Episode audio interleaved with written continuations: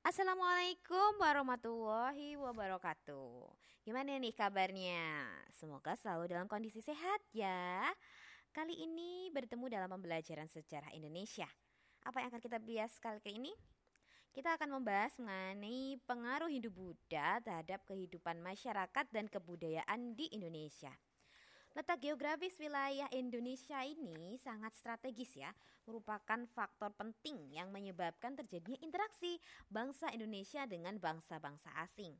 Salah satu interaksi yang terjadi yaitu datangnya bangsa India ke Indonesia. Dampak interaksi ini dengan bangsa India adalah masuknya pengaruh kebudayaan dan agama Hindu-Buddha di Indonesia.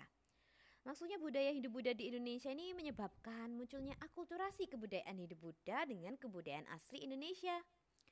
Akulturasi ini merupakan perpaduan ya atau lebih kebudayaan yang saling mengisi serta tidak menghilangkan unsur-unsur asli dari kedua kebudayaan tersebut. Nah, dengan demikian, kebudayaan Hindu-Buddha yang masuk di Indonesia tidak diterima begitu saja, melainkan melalui proses pengolahan dan penyesuaian dengan kondisi kehidupan masyarakat Indonesia. Hal ini disebabkan karena apa? Pertama, karena masyarakat Indonesia telah memiliki dasar-dasar kebudayaan yang cukup tinggi, sehingga masuknya kebudayaan asing ke Indonesia itu menambah pembendaharaan kebudayaan Indonesia. Yang dua, kecakapan istimewa yang dimiliki bangsa Indonesia yang disebut local genius merupakan kecakapan untuk menerima unsur-unsur kebudayaan asing dan mengolah unsur-unsur tersebut sesuai dengan kepribadian bangsa Indonesia. Nah, berdasarkan sudut pandang akulturasi budaya, maka masuknya budaya dan agama Hindu-Buddha di Indonesia ini dapat dibedakan atas tiga periode. Ya, apa saja periodenya? Yang pertama adalah periode awal, itu abad ke-5 sampai abad ke-11 Masehi. Pada periode ini, pengaruh unsur Buddha, Hindu-Buddha ini lebih kuat ya, lebih menonjol daripada unsur-unsur kebudayaan asli Indonesia. Hal ini tuh nampak ya pada peninggalan-peninggalan patung-patung Dewa Brahma, Wisnu, dan Siwa di kerajaan-kerajaan seperti Kutai, Tarumanegara, dan Mataram kuno dengan ciri-ciri India. Jadi masih India banget gitu ya. Nah, kemudian tiga periode tengah itu abad ke-11 sampai abad ke-16 Masehi. Nah, pada periode ini unsur Hindu-Buddha di Indonesia itu berimbang.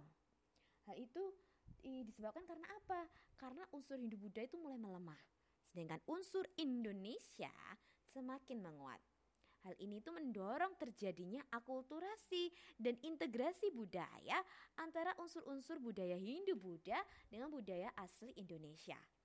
Hal ini nampak pada peninggalan-peninggalan dari zaman kerajaan-kerajaan Hindu-Buddha di Jawa Timur, seperti Singosari, Kediri, dan juga Majapahit. Pada masa-masa ini di Jawa Timur, raja itu bukan sekedar pemimpin, tetapi merupakan keturunan atau titisan para dewa.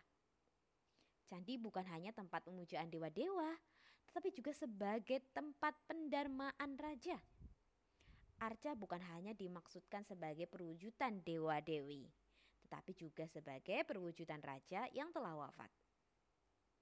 Periode berikutnya yaitu adalah periode terakhir, abad ke-16 sampai dengan sekarang. Pada periode ini, unsur Indonesia lebih kuat dibandingkan periode sebelumnya. Sedangkan unsur Hindu-Buddha semakin surut. Di Bali, kita dapat melihat bahwa candi berubah menjadi pura merusang yang widiwasa dalam agama Hindu dianggap sebagai manifestasi ketuhanannya Maha Esa. Kemudian upacara ngaben sebagai lebih banyak menunjukkan ya unsur budaya asli Bali daripada unsur budaya India. Oke, itu tadi bagaimana pengaruh Hindu Buddha ya terhadap kehidupan masyarakat dan kebudayaan di Indonesia. Selanjutnya kita uh, kalian bisa menyimak lagi ju apa mengenai bukti-bukti pengaruh hidup Buddha di Indonesia ya.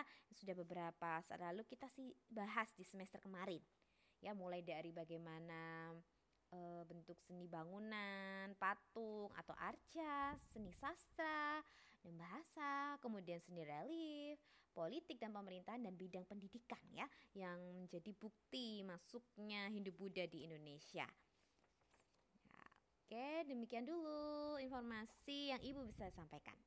Tetap semangat belajar dan juga tetap jaga kesehatan. Assalamualaikum warahmatullahi wabarakatuh.